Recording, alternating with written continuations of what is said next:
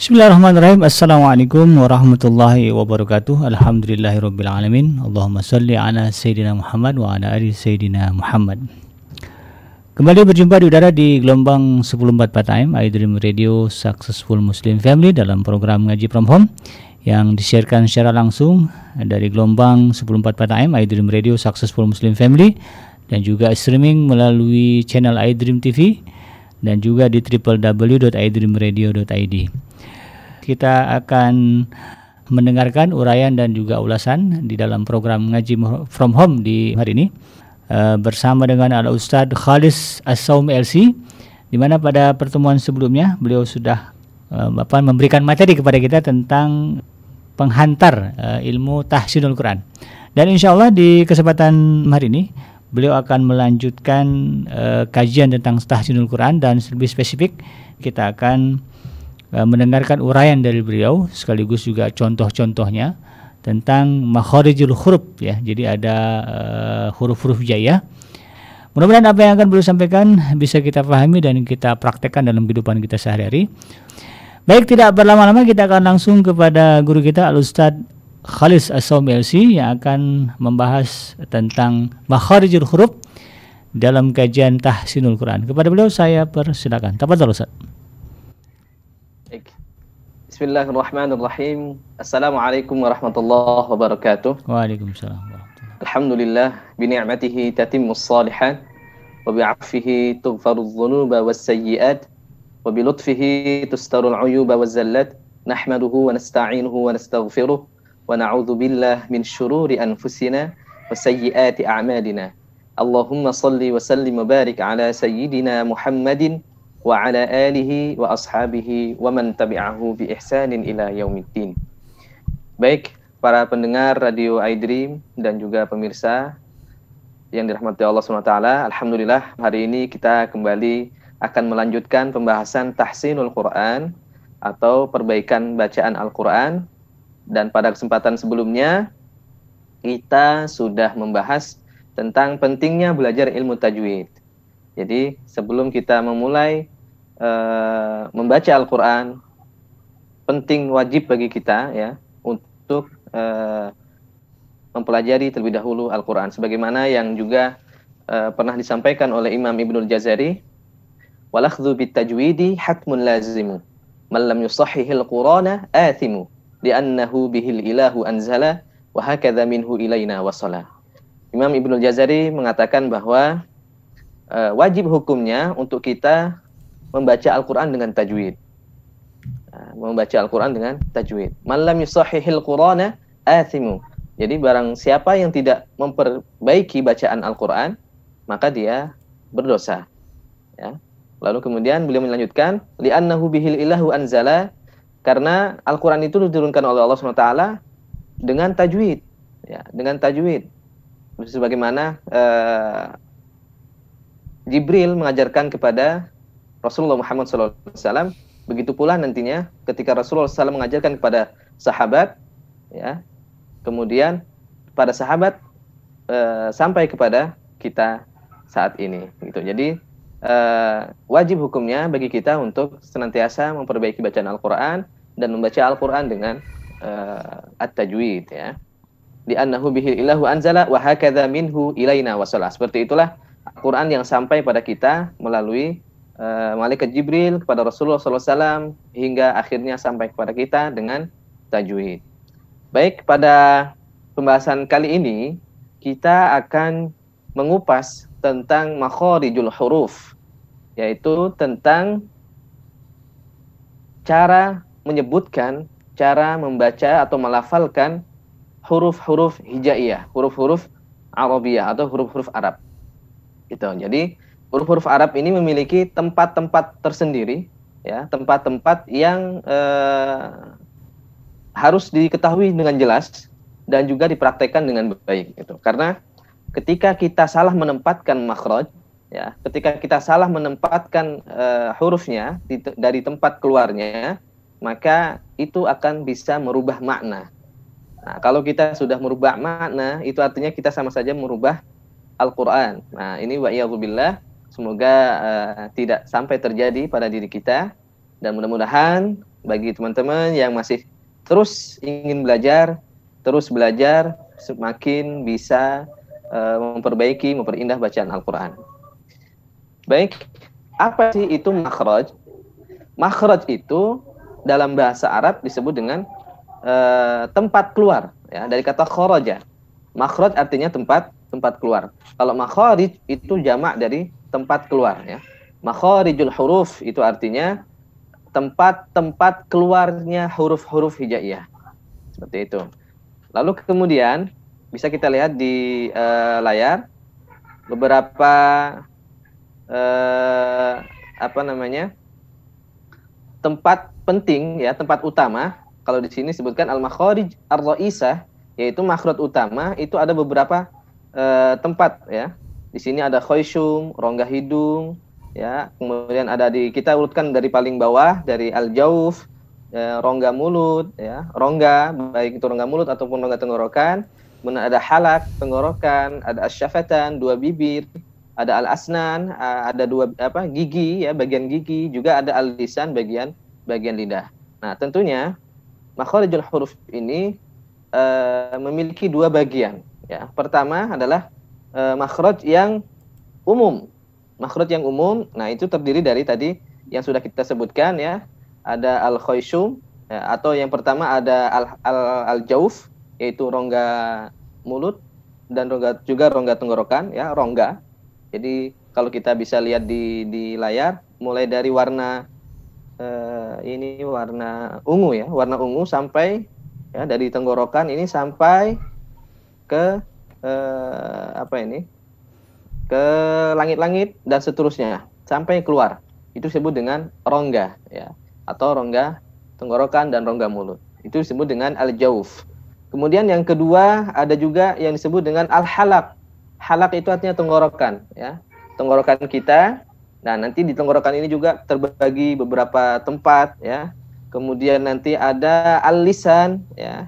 Ada al-lisan di sini, lidah, ada al-asnan, kemudian ada juga asyafatan kedua bibir dan yang terakhir ada al khayshum suara yang mengalir ke rongga hidung. Nah, itu adalah makhraj yang umum ya, makhraj yang uh, utama. Adapun nanti yang kedua ada makhraj yang khusus. Makhraj yang khusus itu adalah pembagian dari makhraj-makhraj yang umum tadi ya. Sebagaimana disebutkan di dalam uh, kitab Al-Jazariyah ya, kata Imam Ibnu Jazari beliau mengatakan makharijul hurufi sab'ata asyar. Makharijul hurufi sab'ata asyar. Jadi makhraj-makhrajnya nanti itu ada 17 ya. Nah, nanti kita akan kupas tuntas uh, dari 17 tempat ini apa saja yang keluar dari dari tempat-tempatnya. Gitu. Baik, yang pertama kita akan bahas terlebih dahulu tentang al-jauf, yaitu rongga rongga mulut ya. Rongga mulut atau rongga rongga tenggorokan. Kita lihat di ini masih berbentuk PDF.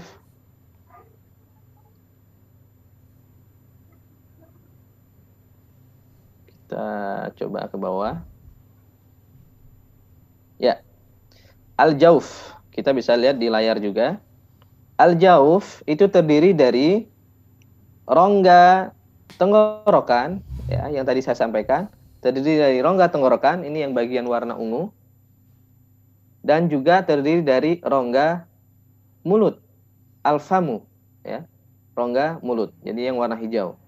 Nah ini aliran suara inilah ya aliran suara inilah yang disebut dengan rongga ya baik itu rongga mulut maupun rongga tenggorokan seperti itu dan hurufnya yang keluar dari rongga ini adalah huruf-huruf al-maddiyah. Al-maddiyah atau huruf-huruf mad, mudud, huruf-huruf yang dibaca panjang. Huruf-huruf yang nanti akan menjadi sandaran uh, huruf lain ketika dibaca panjang. Apa saja itu? Ada alif maddiyah, ya. Ada wawul maddiyah, ada juga yaul maddiyah. Alif, waw sukun dan ya sukun. Nah, ini huruf-huruf yang nanti uh, yang termasuk dalam huruf-huruf maddiyah atau huruf-huruf yang mat ya, huruf-huruf yang bisa dibaca panjang. Seperti itu. Kalau alif berarti diawali dengan fathah ya. Eh kalau waw diawali dengan dhammah u ya. Kalau ya berarti diawali dengan kasroh. I i a i u. Nah,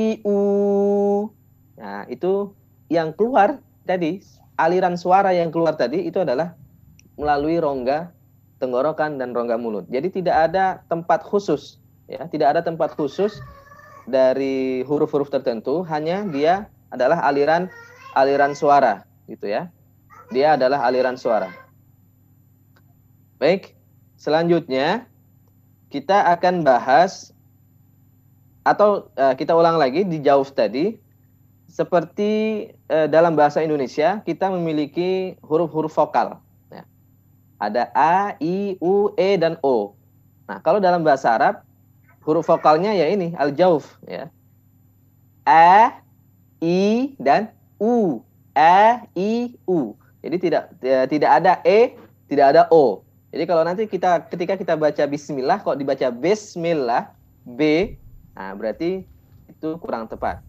Begitu juga dengan eh, dhammah. Harusnya dibaca u tapi dibaca o misalkan. A'u a'u. Nah itu juga tidak tepat.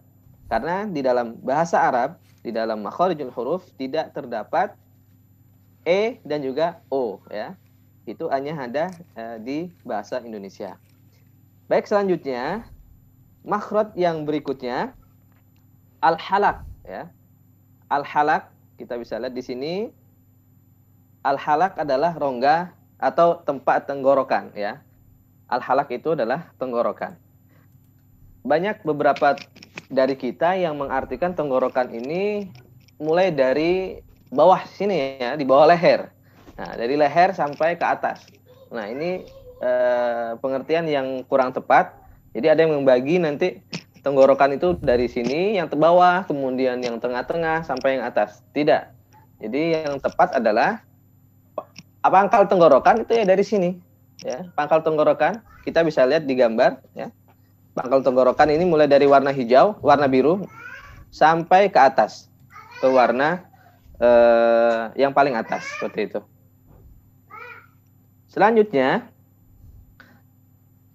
tenggorokan terbagi menjadi tiga tempat ya tenggorokan terjadi eh, terdiri atau terbagi menjadi tiga bagian yang pertama disebut dengan aksal halqi yang pertama disebut dengan aksal halqi. Akso itu artinya adalah tempat yang paling jauh. Berarti dia pangkal. Jauh dari mana? Jauh dari mulut, dari tempat keluarnya suara, ya. Akso berarti pangkal tenggorokan. Kalau kita ingat di dalam surat Yasin ya, wajah rajulun min aqsal madinati wajah rajulun min aqsal madinati yas'a. Nah, itu. Min aqsal Madinah, dari ujung atau dari tempat yang paling jauh di kota. Itu. Artinya dia paling jauh dari mulut. Nah, itu aqsal aqsal aqsal halqi. Hurufnya apa saja?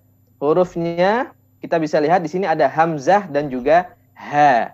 Hamzah dan ha, ya. Hamzah dan ha. Itu. Sekarang uh, saya akan praktekkan.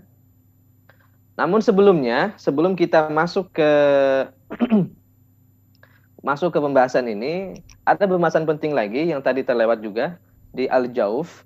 Nanti ketika uh, pada pembahasan al-jauf itu ada yang disebut dengan itmamul harakat atau kesempurnaan harakat. Ya, tadi kita sudah sampaikan bahwa e, kalau fathah ya eh, kalau dia ketemu alif e, kalau ketemu ya i, kalau ketemu waw u. Nah, itu sebenarnya ada kaidahnya ya. Eh, ah, Imam Ahmad Badruddin At-Tibi ya. Beliau mengatakan bahwa kullu madmumin falan yatimma illa bi dhammi syafataini dhamma. Setiap dhammah itu tidak akan sempurna kecuali dengan memonyongkan kedua bibir, ya. Artinya domah itu wajib dimonyongkan. U, u, u. Nah, itu domah. Kemudian, Wadun khifadin bin khifadin lil fami yatimu. Dan kasrah juga tidak akan sempurna kecuali dengan membuka kedua bibir kita, ya. Artinya sama seperti orang senyum. Itu kasrah. I i ya. Itu kasrah. Kemudian wal maftuhu bil fathi ifhami. Dan fathah mulutnya dibuka, ya. Eh eh seperti itu. Nah, ini adalah kesempurnaan harokat. Maka nanti ketika kita sudah uh, bisa memperbaiki, menyempurnakan harokat, ke sananya ya pembahasan makhorijul huruf itu akan lebih gampang. Karena ketika tidak disempurnakan harokat ini, huruf-huruf yang tadinya harusnya tipis, dia akan menjadi tebal. Ya. Huruf-huruf yang tadinya tipis, yang harusnya tipis, dia akan terasa tebal. Contoh misalkan Hamzah. Hamzah kalau tidak disempurnakan, eh, eh, ya. Kalau misal ini sempurnanya, eh, eh, kalau tidak disempurnakan dia akan bunyinya semakin tebal oh, oh, oh, oh, bahkan sampai oh, oh, seperti itu. Nah, harusnya disempurnakan. Eh, eh, i, i, u, u, u, eh, i, u, eh, i, u, seperti itu. Ya. Jadi harus benar-benar memperhatikan pergerakan mulut ya. Bagaimana ketika fathah mulutnya dibuka, ketika kasroh disenyumin ya, ketika domah juga di dimonyongin. Tetapi di sebagian orang kadang sudah monyong ya, tapi suaranya masih nggak sempurna. Contoh misalkan o o o o o o o o mulutnya sudah monyong ya. O o o tapi bunyinya tidak sempurna. Maka yang harus dicari adalah bagaimana suara itu benar-benar sempurna ya. Bukan hanya sekedar memonyongkan bibir atau senyum atau bahkan membuka mulut dengan lebar misalnya. Nah itu juga harus diantisipasi. Jadi harus dicari bagaimana kesempurnaan harokat. Nah caranya gimana? Caranya adalah dengan berguru kepada orang yang paham ya. Berguru dengan orang yang sudah paham. Artinya kita tidak bisa uh, belajar sendiri ya melalui uh, apa namanya misalkan YouTube atau hal-hal yang lain harus ada koreksi dari guru ya. Harus berhadapan langsung. Kalau tidak bisa berhadapan langsung minimal ada interaksi melalui video call misalnya atau via Zoom ya. Artinya harus ada yang mengoreksi. Tidak bisa kita membaca sendiri ya. Mengira-ngira sendiri ini kayaknya sudah pas nih kasrohnya sudah i i misalkan. Padahal bunyinya masih e e e ya. Masih berbelok sedikit ke huruf e misalkan. Nah itu terkait dengan kesempurnaan harokat ya. Balik lagi ke makhorijul huruf yang halak ya yang tadi bagian tenggorokan. Jadi terbagi menjadi tiga. Tenggorokan itu terbagi menjadi tiga. Yang pertama adalah aksal halqi yaitu tenggorokan bagian pangkal ya atau pangkal tenggorokan ya. Kata Imam Ibnu Jazari beliau mengatakan summa li aqsal halqi hamzun ha'u. Summa li aqsal halqi hamzun ha'u ya. Hurufnya ada, ada hamzah dan ha. Baik saya akan contohkan hamzah ya. Hamzah itu sifatnya kuat ya. Jahar nafasnya tertahan kemudian suaranya juga tertahan ya tapi dia tipis, tidak boleh ditebal. Dia istifal, suaranya turun, datar, ya, tipis hurufnya, bukan huruf yang tebal. Walaupun suaranya kuat, ya, tertahan dan juga nafasnya tertahan, tetapi tidak boleh ditebalkan. Contoh, eh, eh, eh, i, i, i, u, a i u a i u. Nah seperti itu ya. Nah bagaimana cara mengetahui makhraj dari satu huruf? Cara mengetahuinya sukunkan huruf itu atau tasdidkan ya. Contoh misalkan e e e ya. E e. Atau tasdidkan e e e e e e ya. Atau a a a a tasdidkan dulu baru kemudian dibunyikan. A a a a a nah, berarti itu ada di pangkal tenggorokan. Begitu juga dengan huruf yang lain ya. Jadi untuk mengetahuinya sukunkan dulu atau diberi tasdid baru kemudian diucapkan.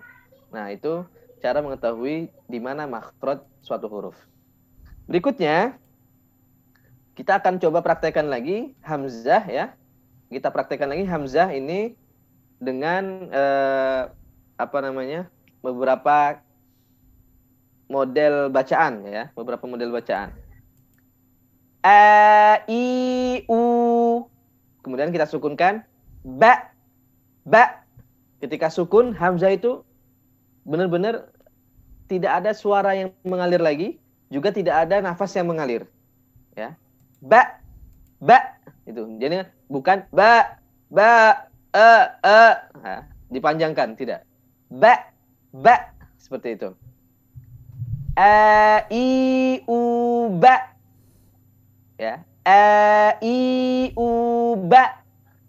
A u a i a a oke mungkin sambil dicoba di rumah masing-masing. A u a i a a u a u i u u. A u a i a a u a u i u u. Ya. Kemudian tasdidkan a a i i u u. Ya. A a i i u u. Sukunkan a i u. Nah, seperti itu, ya. Nanti silakan dipraktekkan masing-masing, lalu kemudian minta koreksi kepada gurunya masing-masing, ya. Jangan sampai kita uh, tanpa koreksi, tanpa berguru.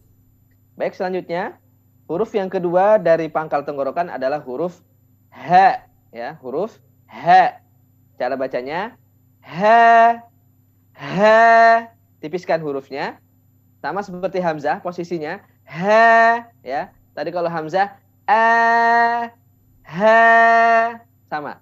Jadi jangan berubah, jangan a ho ho misalkan. Nah, itu hanya jadi tebal, jadi ke atas suaranya. Padahal ha ham, apa ha itu sifatnya sama seperti hamzah. Dia istifal infitah. Oke? Okay? Nah, kalau sifat yang lain dia eh, hamas dan juga khawah ya bukan seperti hamzah yang syiddah dan jahar. Kita ulang lagi. Ha ha ha ya. Hi hi hi hu hu hu ya. Ha hi hu ha hi hu. Sekarang kita sukunkan bah bah bah ya ada aliran suara, ada aliran nafas.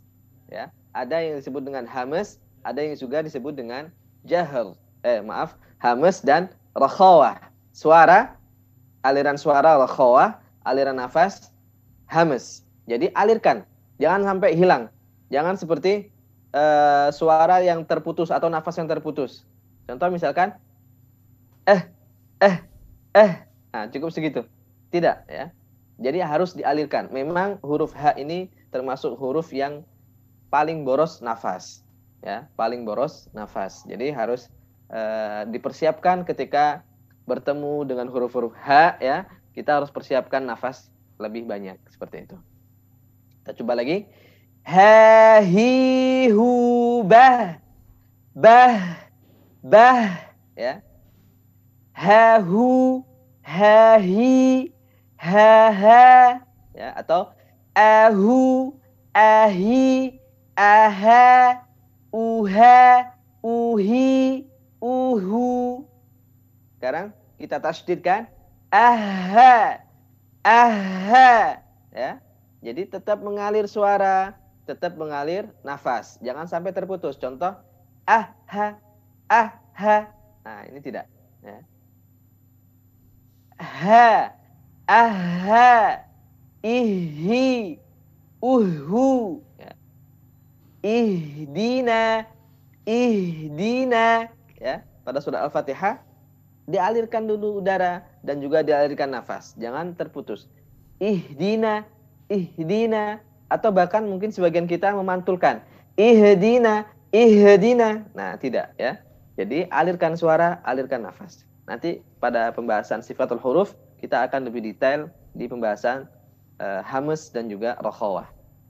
Berikutnya ada huruf yang keluar dari tengah-tengah tenggorokan atau disebut dengan wastul halqi atau wasatul halqi ya. Yaitu hurufnya ada ain dan juga ha ya. Ada ain dan ha.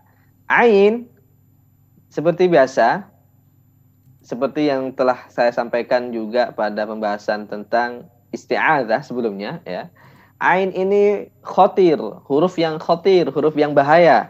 Kenapa? Karena sering keluar dari hidung. Ya. Suaranya sering keluar dari hidung. Padahal makhrajnya ada di tengah-tengah tenggorokan. Ya. Kita akan coba ya mencontohkan bagaimana ain kok bisa keluar dari hidung. Ya. Jadi pertama kita mesti menekan atau setidaknya menempelkan jari kita ke hidung kita ya. Lalu kemudian kita ucapkan ain. Apakah ain ini ketika kita ucapkan ada getaran di hidung atau tidak ya? Contoh misalkan ini contoh yang yang belum pas ya, contoh yang keluar dari hidung. Ah, ah, ini ada getaran di hidung dan bunyinya pun seperti suara bindeng, suara pilek ya, atau suara flu ya. Jadi seolah-olah suaranya mengalir ke sini semua a a a. Nah ini adalah contoh yang tidak tepat ya. Contoh yang salah. Jadi ain itu harusnya ada di tengah-tengah tenggorokan. Kita contohkan yang tepat. A a. Oke? Okay? a ada di tengah-tengah tenggorokan. Kita akan lihat ya bagiannya bagian tempatnya. Nah wasatul halqi kita bisa lihat ain ada di mana. Nih posisinya kita lihat di bagian yang sebelah kanan ain, oke. Okay? Nah di sini ain itu posisinya ada di eh, tengah-tengah tenggorokan ya.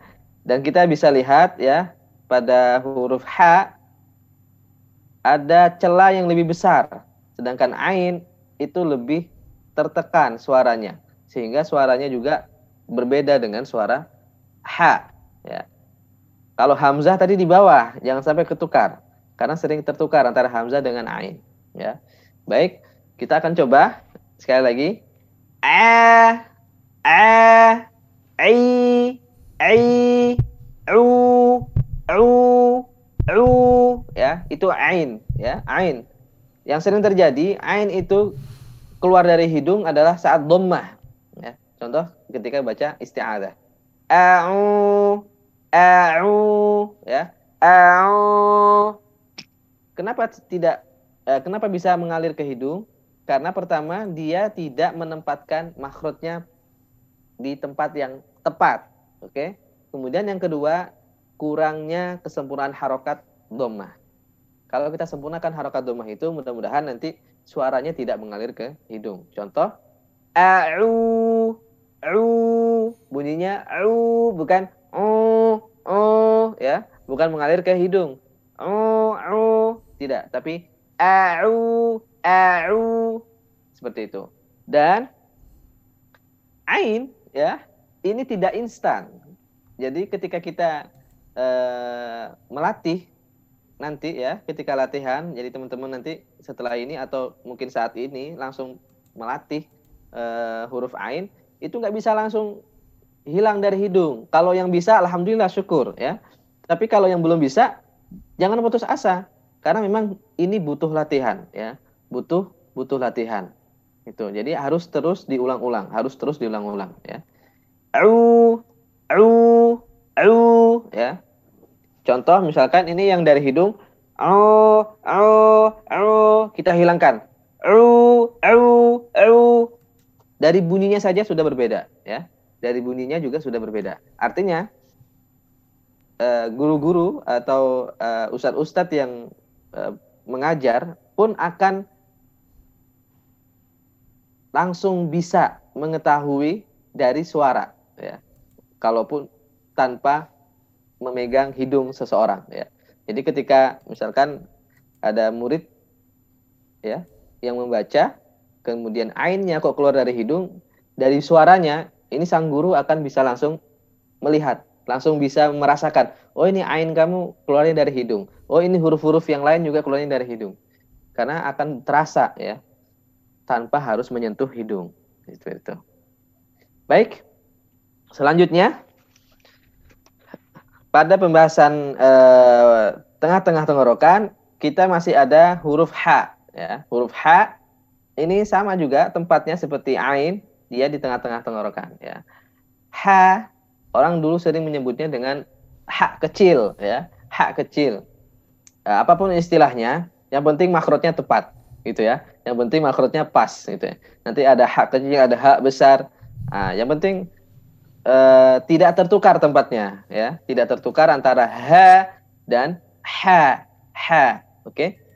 kita akan contohkan h h tipiskan harokatnya ya sempurnakan harokatnya harus tipis ya istifal infitah kemudian ada uh, apa namanya ada hamas dan juga rakhawah ha ha hi hi hi ya hak juga rawan.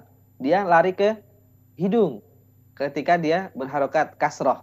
Hi, hi, hi, ya sering terjadi melenceng. Suaranya lari ke ke, uh, ke hidung. Harusnya hi, hi, ya. Dan biasanya yang sering terjadi itu ketika mat arid disukun, ya. Mat arid disukun. Baik itu waw atau ya ya atau mungkin juga fathah ya atau alif. Nah, ini harus diantisipasi. Contoh misalkan alhamdulillahi rabbil alamin. Jangan min min ya. Atau ar-rahmanir rahim. Him, larinya ke hidung. Enggak. Ar-rahmanir rahim. Him, him tidak ada aliran ke hidung. Him. Ya, sama seperti ha tadi, ya. Hati-hati. Kemudian hu, hu. Oke? Okay? Sekarang kita contohkan dari ain. A'i'u ba. Ba.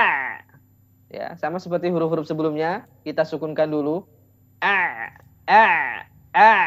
Kemudian ha juga sama ah, ah, ah ya. Itu tempat uh, keluarnya huruf H ya. Sekarang kita praktekkan. A'u a'i a'a. A'u a'i a'a. Ya, sekarang kita praktek untuk membedakan hamzah dengan ain. A'u a'i a'a. U'a u'i u'u. Nah, seperti itu ya. A'a i'i u'u. Oke. Kemudian ada ha. Aha, ihi, uhu. Ahu, ahi, aha. Uha, uhi, uhu. Ah, ih, uh. Nah, itu huruf ha. Berikutnya kita masih ada tersisa dua huruf lagi di bagian tenggorokan, ya. Ada dua huruf lagi di bagian tenggorokan yaitu huruf yang disebut dengan adenal halqi ya, yaitu ujung tenggorokan. Ujung artinya sudah dekat dengan mulut ya, lebih dekat ke mulut ya. Kalau tadi akso paling jauh dari mulut, kemudian wasat itu tengah-tengahnya, kalau adena berarti sudah mendekati atau lebih dekat ke tempat keluar atau mulut ya, ke mulut. Seperti itu disebut dengan adenal halqi, ujung tenggorokan. Kita bisa lihat di gambar ya. Pertama ada ghain, huruf ghain ya. Huruf ghain kita perhatikan di mana tempatnya? Tempatnya adalah di akar lidah yang bertemu dengan langit-langit yang lunak ya. Ma'al hanakil lahmi yaitu langit-langit yang lunak. Lunak itu artinya daging ya, yang yang lembut. Kita bisa lihat di sini, ini yang warna merah. Ya, ini adalah langit-langit yang lunak. Oke. Okay? Kemudian ini adalah akar daripada lidah kita. Ya, akar lidah. Jadi bukan pangkal lidah, tapi akar akar lidah. Nah, akar lidah ini kita pertemukan dengan langit-langit yang lunak. Kalau huruf ghain itu biasanya eh, seperti kita berkumur-kumur ya, lalu kemudian kita mainkan airnya di dalam mulut. Contoh misalkan oh ya, oh. Nah, itu huruf gha. Kurang lebih seperti itu ya. Nah, sekarang kita contohkan. Oh, oh, oh. Nah, huruf gha ini ada sifat isti'la'nya. Artinya suara itu naik ke atas, ya. Naik ke langit-langit gitu. Jadi suaranya tebal. Ya, suaranya naik ke atas. Oke? Lagi. Oh, oh. Jadi bukan ro, ro, ro, tapi ro, ro. Kemudian kasroh, ri, ri, ri, ru, ru, ru, ru, l, il, ul, ya. Ghairil, ghairil maghdu, maghdu, maghdu. Nah, itu huruf ro. Oke. Contoh lagi. Eru, eri, ero, uro, uri, uru, ero, irri, uru. Nah, itu huruf ro atau huruf ghain ya. Kemudian temennya ada kho yang mirip ya. Ini mirip. Kadang orang sering tertukar ya karena penempatannya tidak tepat. Kita lihat pada huruf eh, kho kalau tadi huruf ghain ya pangkal atau eh, akar lidahnya itu yang benar-benar di bawah. Kemudian ketemu masih ketemu juga dengan eh, langit-langit yang lunak. Sama. Kho juga sama ya. Akarnya bertemu dengan langit dan lunak cuman akarnya ini lebih, lebih naik ke atas lagi ya. Lebih keluar. Tuh. atau kalau lebih gampangnya kho itu seperti kita buang dahat ya. Nah itu kho kho nah kemudian kho sama seperti ro dia punya sifat isti'la jadi harus kita naikkan ke atas oke contoh kho kho khi khi khu, khu, kho, kho, khi, khi, khu, khu. Seperti itu ya. Jadi harus dinaikkan ke atas. Itu. Baik, berikutnya kita contohkan lagi perbedaan antara ghain dengan kho ya. Kita contohkan ro, kho, ro, kho, ro, kho kho, ro, kho, ro. Nah, harus harus dibedakan.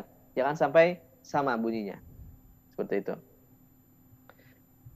Sampai sini kita sudah sampai pada pembahasan tengah uh, ujung lidah, eh ujung tenggorokan ya, ujung tenggorokan. Artinya kita sudah membahas uh, kurang lebih ada empat makhraj ya. Yang pertama tadi jauf, kemudian ada aqsal halqi, kemudian ada wastul halqi atau wasatul halqi, kemudian yang terakhir ada adnal halqi, ya. Rongga, kemudian tenggorokan bagian pangkal atau pangkal tenggorokan, kemudian tengah-tengah tenggorokan, dan juga ada ujung tenggorokan. Baik, berikutnya kita akan melanjutkan ya. Tadi berarti sudah ada empat, berarti sisanya masih ada dari 17 dikurang 4 berarti masih ada 13 lagi. 13 makhraj ya.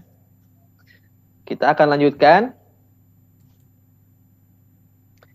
Berikutnya kita masuk pada bagian lisan ya, pada bagian lidah. Tadi kan di bagian eh, apa? di pembahasan tentang makhraj utama ya makhraj utama ada halak uh, ada al-jauf kemudian ada halak kemudian ada lisan ya ada lisan nah lisan ini kemudian juga asyafatan dua bibir, kemudian juga ada hanak lahmi, eh, hanakil a'la, ya, langit-langit, kemudian juga eh, ada gigi. Ini semua adalah bagiannya masuk ke dalam mulut, ya. Jadi mulut kita terdiri dari dua bibir, ada lidah, ada gigi, juga ada langit-langit. Jadi sebagian eh, para guru-guru kita juga menyebutkan makhraj utama itu hanya ada empat. Pertama ada jauf, yang kedua ada halak, yang ketiga ada fam atau mulut. Ya, nanti mulut itulah di dalamnya ada lidah, ada dua bibir, ada gigi, ada langit-langit, dan yang keempat baru masuk ke khayshum, rongga hidung. Ya. Baik, sekarang kita masuk ke makhraj yang pertama di bagian lidah ya atau makhraj yang kelima ya. Makhraj yang kelima ada aqsal lisan ma'al hanakil lahmi. Ya. Pangkal lidah yang bertemu atau menyentuh atau menempel atau menekan pada bagian langit-langit yang lunak. Kita bisa lihat di sini di gambarnya ya. Di sini ada pangkal tenggorokan, eh, pangkal lidah. Ya. Pangkal lidah, ini lidah kita yang warna merah ini. Pangkalnya menyentuh pada bagian langit-langit yang lunak. Nih, ini langit-langit lunak ya. Langit-langit lunak artinya dia yang daging ya, yang lembut. Karena nanti ada juga yang keras. Ini bagian ini yang keras. Ya, kalau kita bisa raba ya di dalam itu langit-langit kita mulai dari sini gusi, kemudian sini langit-langit ini keras semuanya, ini namanya tulang ya. Langit-langit tulang. Kemudian nanti di belakang itu ada langit-langit yang lunak atau ada bagian yang lembut yaitu karena ada dagingnya gitu ya. Baik, sekarang kita coba sukunkan dulu makrotnya ya. Kita kita ketahui kita untuk mengetahuinya kita sukunkan dulu hurufnya baru kemudian kita bisa mengetahui di mana tempatnya. Oke, contoh. Ok. Ok. Kita tasydidkan ok kok ak kok ak kok ya. Kemudian baru kita ucapkan. Ko. Ko. Ko. Oke. Qaf sama seperti huruf kho dan ro. Isti'la, naik ke langit ya, naik ke langit-langit. Suaranya naik ke atas. Oke? Kita ulang lagi. Ko. Ko. Ti. Ti. Nah, ketika kasroh. Ti. Ti. Ketika domah. Ku. Ku. Ya.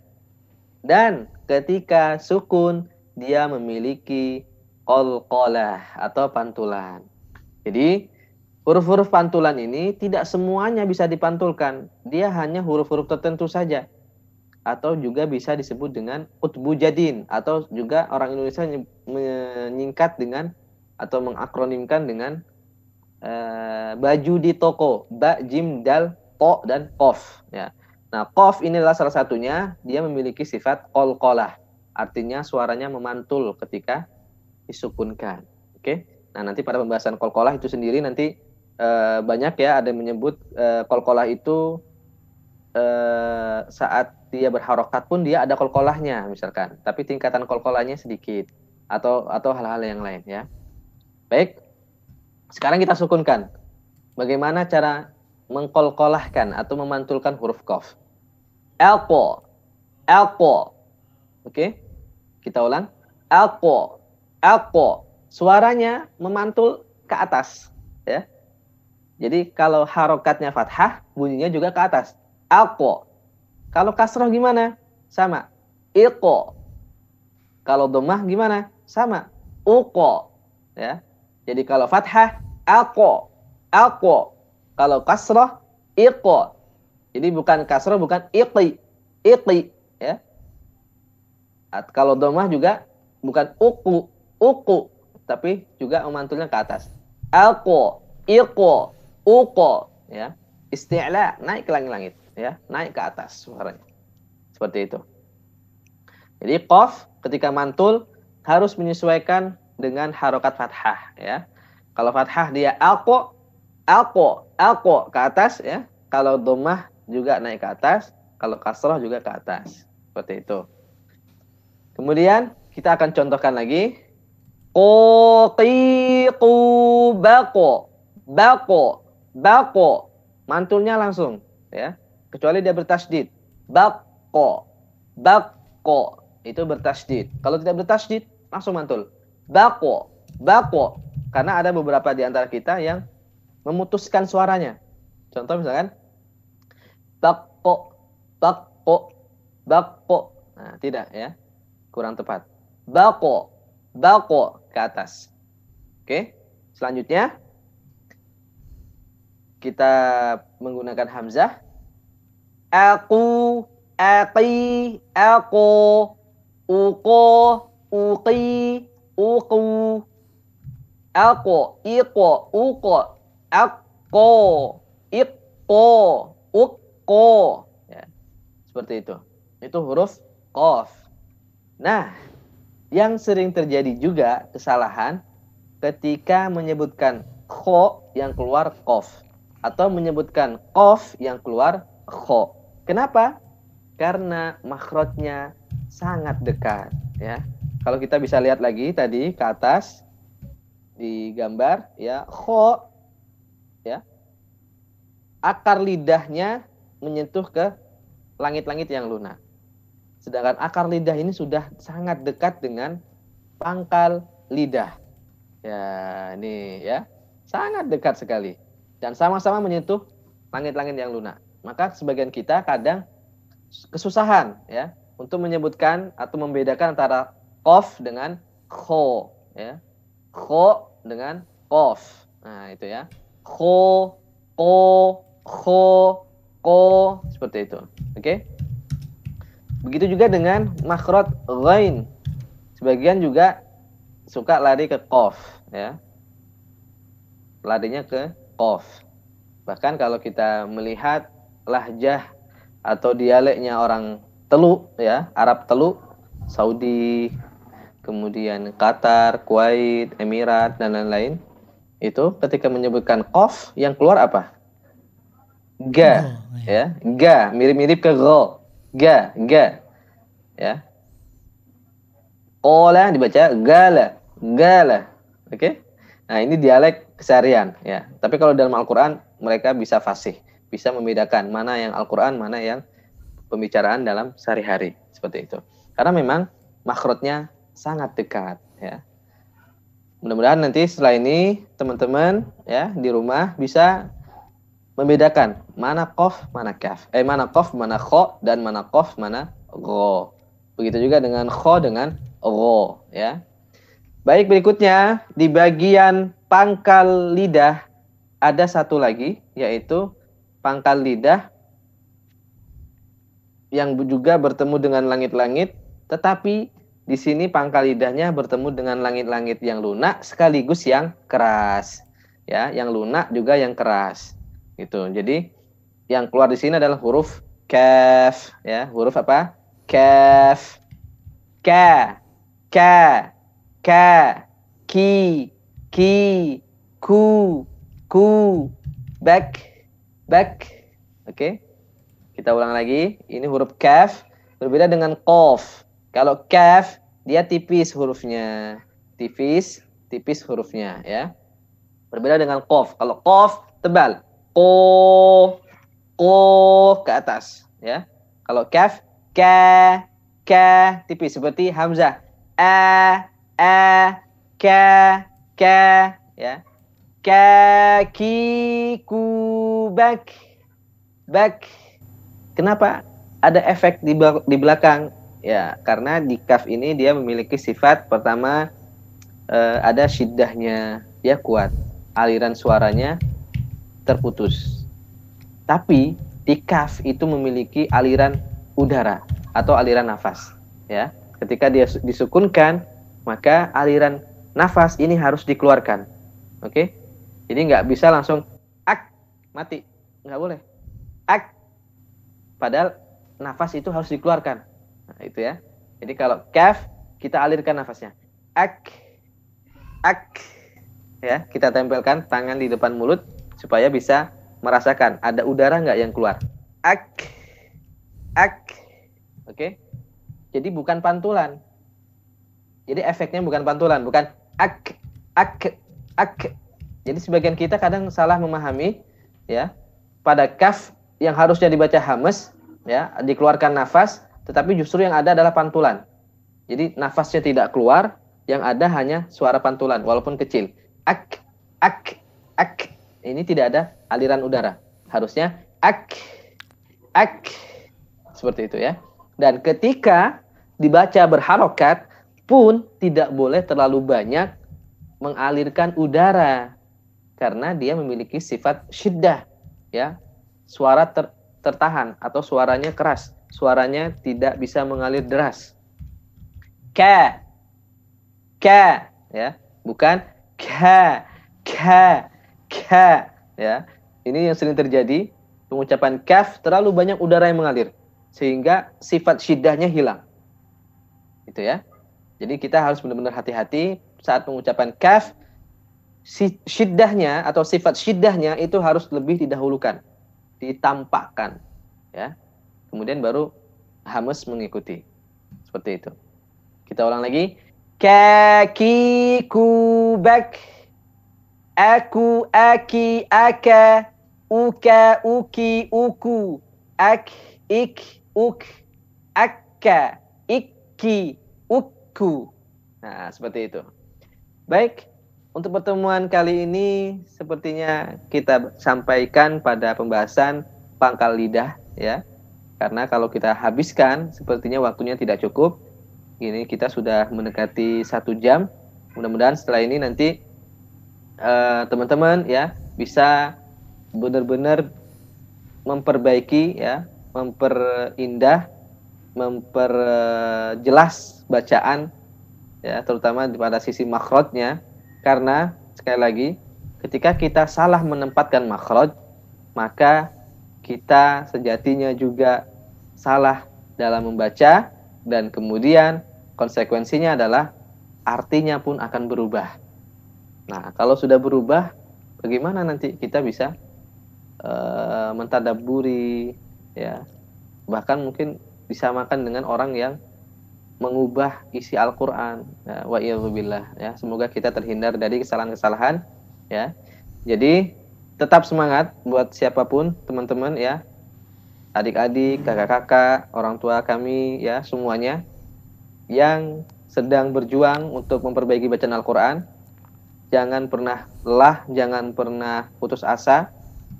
Kami pribadi pun terus tetap belajar ya dan teman-teman juga saya harapkan semuanya juga harus terus terus belajar untuk memperbaiki bacaan Al-Qur'an. Kalau bukan kita siapa lagi? Ya, karena ini kitab suci kitab suci kita, kitab panduan kita, ya. Masa orang lain yang akan mempelajari ya, agama lain yang mempelajari kan tidak. Jadi kita sendiri yang harus benar-benar memperbaiki bacaan Al-Qur'an kita sehingga kelak eh, bacaan ini ya bisa apa? bisa membawa syafaat di hari akhir ya. Karena inilah sejatinya Al-Qur'an ya. Iqra'ul Qur'an sebagaimana yang Rasulullah SAW sabdakan, Iqra'ul Qur'an fa innahu ya'ti yaumal qiyamah syafi'an li ashabih. Bacalah Al-Qur'an karena nanti di hari kiamat ia akan menjadi penolong kita, menjadi pembawa syafaat buat kita. Demikian mungkin uh, yang bisa saya sampaikan. Lebih dan kurang mohon maaf. Jika ada kesalahan-kesalahan, silakan uh, nanti teman-teman bisa uh, apa namanya menghubungi ya, menghubungi kami bisa melalui Instagram atau WA. Demikian mungkin dari saya. Demikian jazakumullah khairan. Wassalamualaikum warahmatullahi wabarakatuh. Waalaikumsalam warahmatullahi wabarakatuh.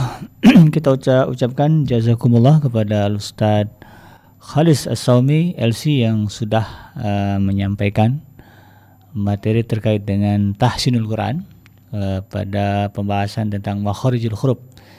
Masih ada kelanjutan karena tidak uh, belum tuntas semuanya karena tidak mungkin juga ya dari 17 tempat keluar huruf ini kita selesaikan di malam ini.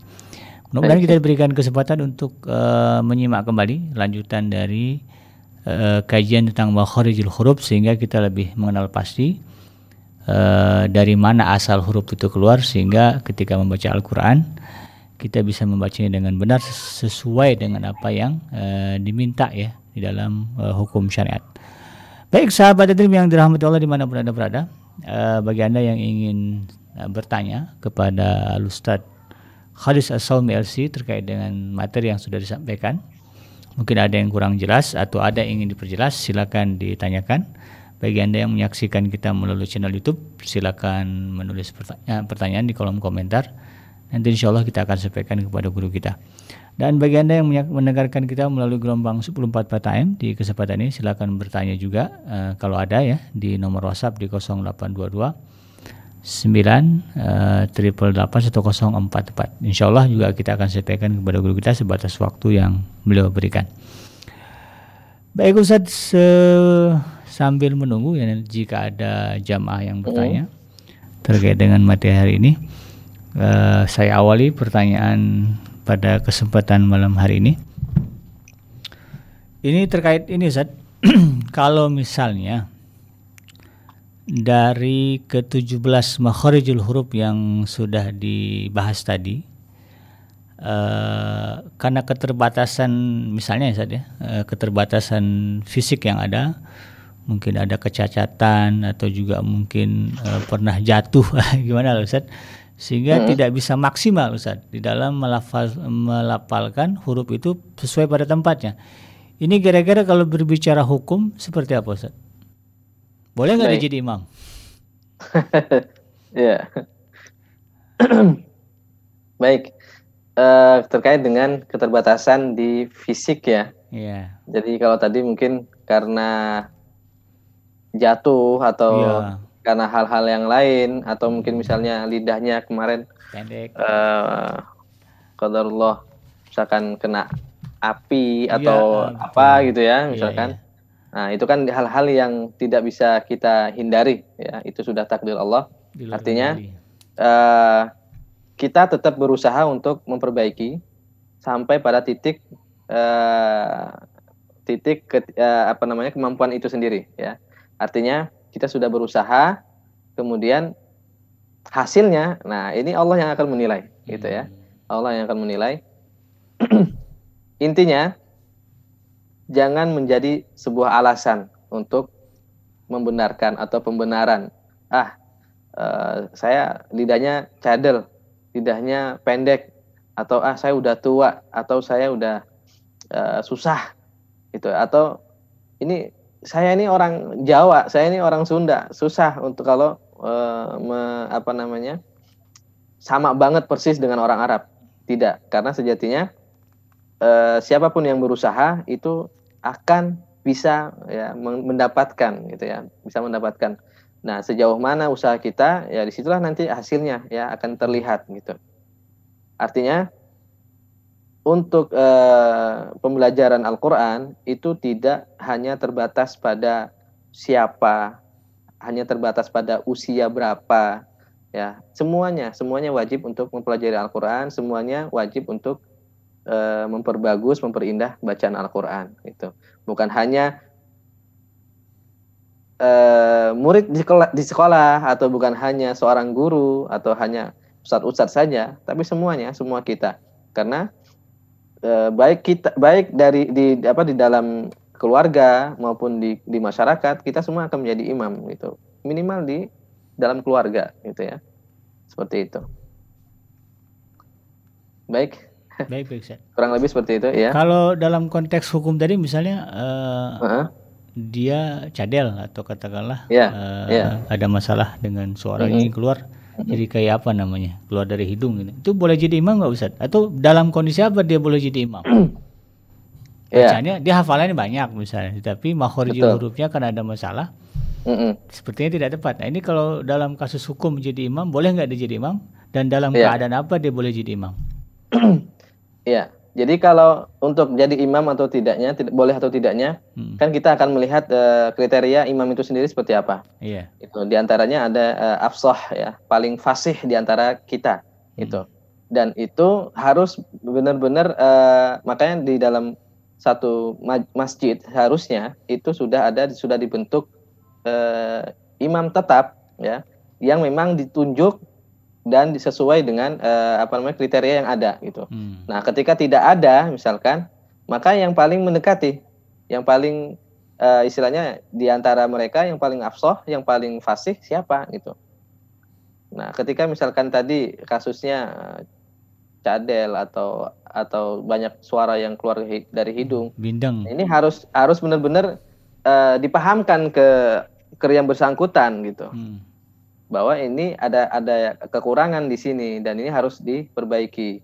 Mungkin dalam kasus mungkin dalam uh, apa uh, kondisi tertentu bolehlah dimaklumin gitu. Tapi kalau memang masih ada yang lebih fasih, maka yang fasih yang harus didahulukan gitu. Dan kita juga sebagai uh, yang apa namanya belum fasih ya harus sadar diri gitu harus sadar diri jangan memaksakan untuk maju ke depan sebagai imam gitu karena uh, ada yang lebih fasih dari kita ada yang lebih uh, apa namanya bacaan lebih bagus dari kita seperti itu baik baik ya. ya jadi intinya uh, sebisa mungkin cari yang paling fasih kalau nggak ada lagi oh. ya barulah ya ya kalau tidak ada lagi ya itu kan kelemahan kita kan biasanya iya. di di tengah-tengah masyarakat seperti itu uh, mungkin karena segan ah ini udah apa namanya sudah sepuh ya. iya. ya sudah ini atau mungkin karena sudah uh, dari dari dulunya ini aja imamnya nggak yang mau hmm. gantiin atau atau mungkin ada yang segan gitu walaupun fasih hmm. tapi dia nggak mau nggak berani nah itu itu problem juga buat kita hmm. dan itu seharusnya di eh, apa namanya dicari solusi juga ya oleh pengurus masjid ya memang sekarang sih di beberapa masjid sudah mulai ya uh, menggalakkan atau mem membuat program jadi imam itu ya memang benar-benar harus dicari ya, hmm. di diri ayah, dijaga, di, di diberikan tempat yang selayaknya gitu ya. Jadi imam tetap itu harus ada di setiap masjid itu. Yeah. Tapi karena kondisi apalagi di masjid-masjid di kampung ya. Nah, ini akan agak agak sulit. Tapi di kota-kota besar itu alhamdulillah sudah uh, mulai banyak ya masjid-masjid tertentu yang memiliki imam tetap dengan bacaan yang standar, yang yeah. bagus seperti itu. Ya alhamdulillah di kompleks saya sudah begitu Ustaz. Masya Allah, Masya Allah. Imamnya sudah iya. tetap dan alhamdulillah bacaan juga bagus disukai oleh jamaah. Ya, alhamdulillah mudah-mudahan merata nanti insya Allah iya, di iya, Indonesia. Iya, Amin. Apalagi cita-cita Sehali Jabar ya, ada satu juta penghafal Quran tersebar iya. di Indonesia. Masya Allah itu. Dibantu dengan uh, rumah Qurannya Ustaz Khalis Asaumi. Iya, insya Allah atau Iba juga akan uh, turut uh, apa mendukung programnya insya Allah. Iya baik baik. Nah Ustaz, uh, saya pernah mendengar bacaan uh, salah satu syekh dari, aduh saya lupa dari mana. Kalau nggak salah namanya Syekh Azmi kalau salah. Uh, ketik, uh, ketika dia membaca huruf-huruf uh, kol-kolah, mm -hmm. itu terdengar hurufnya itu seperti hidup lagi. Mm -hmm. uh, padahal kan sebetulnya kalau di teorinya kan huruf itu kan mati, cuman memantul gitu kan. Tapi yeah. entah karena uh, uh, memang jadi yang mau saya tanya itu bagian dari lahjah dia atau mm -hmm. memang uh, seperti apa Ustaz penjelasannya? Ya. Yeah. Jadi kolkolah tadi yang saya sampaikan mm -hmm. uh, bukan pengulangan huruf mm. ya. Misalkan ako atau uh, di, di, dibaca seperti harokat fathah. Iya. Tidak. Jadi memang harus uh, harus apa bisa membedakan itu. Jadi harus dipantulkan bukan diucapkan. Biasanya memang dari se sepintas itu seperti huruf yang di diberi harokat oh, fathah.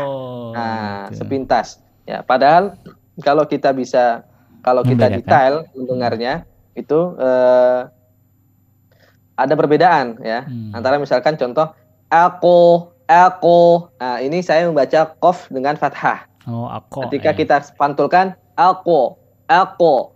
Nah, jadi agak mirip tapi beda gitu ya. Beda dan dan jelas uh, berbeda ketika memantul itu uh, kofnya itu benar-benar disukunkan. Elko. Dan biasanya uh, kenapa kok dia mirip ke fathah? Karena memang harusnya pengucapannya itu tebal ya. Kof itu kan sifatnya isti'la. Ketika hmm. dipantulkan juga harus naik ke atas, harus tebal. Nah, yang sering terjadi itu justru ditipiskan. Ake, ake. Itu. Kalau kita terbiasa ake atau terbiasa mendengar ake, ketika hmm. kita mendengar ada yang ditebalkan, kita akan merasa asing. Oh, oh ini sepertinya kayak dibaca ko sih, uh, gitu. Tapi kalau kita sudah terbiasa, sudah sering mendengar yang dipantulkan dengan apa namanya pantulan yang naik ke atas, hmm. mudah-mudahan sih bisa membedakan mana yang dibaca ako dengan fathah atau mana yang dibaca dengan pantulan ako seperti itu. Hmm. Jadi ya. harus uh, dilatih juga ya pada dasarnya sebetulnya. Iya betul. Mendengar kemudian dicoba, mendengar dicoba. Baik saat ini pertanyaan terakhir. ya. Ini sepertinya kalau berbicara uh, makharijul huruf tadi yang antum jelaskan, mungkin bagi sebagian orang, terutama orang awam, ini adalah sesuatu yang uh, sulit, gitu ya untuk lidah kita orang Indonesia. Apa tipsnya Ustaz agar kemudian kita bisa belajar cepat sehingga bisa hmm. mengeluarkan atau menempatkan huruf itu pada tempat yang benar. Tipsnya apa nih Ustaz? Ya. Pertama, tipsnya kita harus uh, yang yang apa namanya yang umum lah ya. Hmm. Yang umum itu benar-benar uh, kita azamkan atau niatkan dengan niat yang kuat bahwa kita ingin memperbaiki bacaan Al-Qur'an. Oke. Okay. Yang kedua, kita harus benar-benar memilih guru yang tepat. Guru. Nah, memilih guru yang tepat itu artinya eh, kita harus tahu guru ini sejauh mana bacaannya, hmm. itu. Kemudian sejauh mana penyampaiannya juga menyontohkannya. Nah, ini karena jangan sampai kita salah dalam berguru, akhirnya nanti eh, kita mencontohkan dan bahkan memberikan contoh ke murid-murid kita yang hmm, lainnya salah. ya itu juga menjadi salah gitu kemudian eh, terus latihan ya karena memang tidak ada sesuatu yang instan itu tidak ada sesuatu yang instan contoh saja kayak ain yang tadi kita contohkan yang tidak keluar dari hidung itu dulu saya latihannya itu satu, pekan lebih Waduh. untuk bisa keluar dari hidung. Maksud saya untuk bisa hilang dari hidung. Hmm. Ya. Jadi ketika pertama kali eh, saat itu kalau tidak salah saya awal-awal datang ke Mesir ya, kemudian saya datang ke Syekh, baru mulai isti'adzah, a'u langsung keluar ke hidung. A'udzubillah. Saat itu juga langsung dibenerin, langsung dikasih tahu ini ain jangan keluar dari hidung. Itu baru mulai a'udzubillah. Akhirnya kemudian berikutnya hari-hari berikutnya saya terus latihan latihan latihan sampai seingat saya satu pekan ya hmm. satu pekan lamanya akhirnya benar-benar bisa hilang dari hidung gitu dan itu butuh latihan tidak instan begitu juga dengan huruf-huruf yang lain ya tapi intinya jangan sampai kita eh, jadi apa namanya menyusahkan diri sendiri itu artinya terus uh, yang ada itu jangan sampai aduh ini kok repot kok susah ya. Ini harus maju ini harus mundur. Hmm. saat kasro harus disenyumin saat doma harus dimonyongin. Hmm. nah, jangan sampai kita berpikir kok ini susah ya? Gitu. Padahal kita selama ini mungkin sudah sudah berinteraksi dengan Al-Quran sangat intens ya hmm. sangat uh, sering akhirnya ketika dapat uh, informasi atau dapat maklumat tentang tahsin yang baik jadi kendor. Tidak. Justru harusnya oh ternyata seperti ini oh ternyata seperti ini yang sempurna. Nah seperti itu. Jadi kita harus benar-benar uh, apa namanya mempersiapkan ya mempersiapkan uh, mental ya mental kita. Jangan sampai ah apalagi misalkan kita datang ke guru kemudian kita yang sudah yakin bacaan kita bagus ketika datang ke guru disalah-salahin iya. nah ini mental kita harus kuat jangan sampai down jangan sampai ah datang sini males lagi dah gitu nggak mau lah gitu kan Padahal kalau kita lihat guru-guru kita ya itu perjuangannya ketika belajar pun seperti itu. Ya, datang sehari jangankan untuk e, apa namanya menyetorkan hafalan, baru baca isi isti'adzah pun sudah disuruh ke belakang. Hmm. Kamu salah, benerin lagi. Balik lagi, datang lagi, kamu masih salah, ulangi lagi. Sampai berkali-kali seperti itu. Nah, itulah memang butuh e, perjuangan, butuh proses, tidak ada yang instan. Seperti itu. Baik, baik, baik. Uh, ini ilmu buat kita ya. Jadi ada empat tips nih. Yang pertama niat harus kuat. Yang kemudian cari guru yang tepat. Ya. Kemudian latihan terus, ya jangan kendor. Lalu kuatkan mental dalam belajar. Kalau mental cemen susah juga nih. baik baik Ustaz. Ya, mudah-mudahan ini juga menjadi ilmu bagi sahabat hadirin sekalian Amin. untuk bisa memperbaiki kualitas uh, bacaan terutama pada bagian awal itu di uh, makhrijul huruf ya karena ini adalah ilmu basic. ya. Baik Ustaz, uh, mungkin kita sudah berada di uh, ujung acara tapi sebelum diakhiri silakan untuk uh, memberikan closing statement atau penutup uh, kepada jamaah sekalian terkait dengan uh, kajian kita pada hari ini. Silakan Ustaz. Baik uh, sebagaimana yang tadi kita sampaikan di awal, jadi Imam Ibnu Jazari mengatakan malam yusahihil Qur'ana athimu. Ya. Jadi walakhdhu bi tajwidi hatmun lazimu malam yusahihil Qur'ana athimu. Hukum mempelajari, membaca Al-Qur'an dengan tajwid itu wajib. Ya. Dan barang siapa yang tidak memperindah, memperbaiki bacaannya, maka dia berdosa itu. Man lam yusahhil Qur'ana athimu li'annahu bihil ilahu anzala. Karena Al-Qur'an itu turun ya seperti itu. Turun itu sampai kepada kita itu menggunakan tajwid. Jadi kita juga ketika membaca Al-Qur'an harus dengan tajwid. Ketika Rasul uh, menyampaikan wahyu kepada Zaid bin Thabit misalkan dalam satu riwayat Zaid bin Thabit pun membaca ayat yang diturunkan kemudian menuliskan Nah, ketika dibacakan, uh, Rasul langsung mengoreksi, gitu. Bener nggak nih bacaannya? Kalau ada yang salah, diulang lagi, gitu. Sehingga ketika bacaannya sudah pas, baru kemudian Rasul memberikan restu. Ini udah bagus, silakan ajarkan ke sahabat yang lain. Begitulah seterusnya, ya, sampai sahabat, kemudian tabiin, terus sampai kepada kita. Nah, artinya. Uh, Al-Quran itu harus dipelajari sungguh-sungguh, harus dipelajari sesuai dengan bagaimana Al-Quran itu diturunkan, bukan sesuai dengan selera kita. Demikian itu mungkin uh, penutup dari saya. Baik, uh, sahabat hadirin sekalian yang dirahmati Allah, kita ucapkan sekali lagi jazakumullah kepada Al-Ustaz Khalis As-Saumi LC yang sudah menyampaikan kajian pada hari ini. Kita doakan semoga beliau sehat selalu. Amin. amin. Dan juga. Allah limpahkan rezeki untuknya sehingga uh, bisa terus ya amin. mengajarkan kita semuanya cara membaca Al-Quran dengan benar. Baik sahabat hadirin yang dirahmati Allah di mana pun anda berada, uh, tuntas sudah kebersamaan kita di malam hari ini dalam program Ngaji From Home. Saya Abi Kenji beserta kru yang bertugas pamit undur dari ruang dengar anda. Mohon maaf atas segala kekhilafan dan kekurangan. Subhanaka Allahumma rabbana wa bihamdika asyhadu an la ilaha illa anta astaghfiruka wa atubu ilaik walhamdulillahi alamin. Wassalamualaikum warahmatullahi wabarakatuh.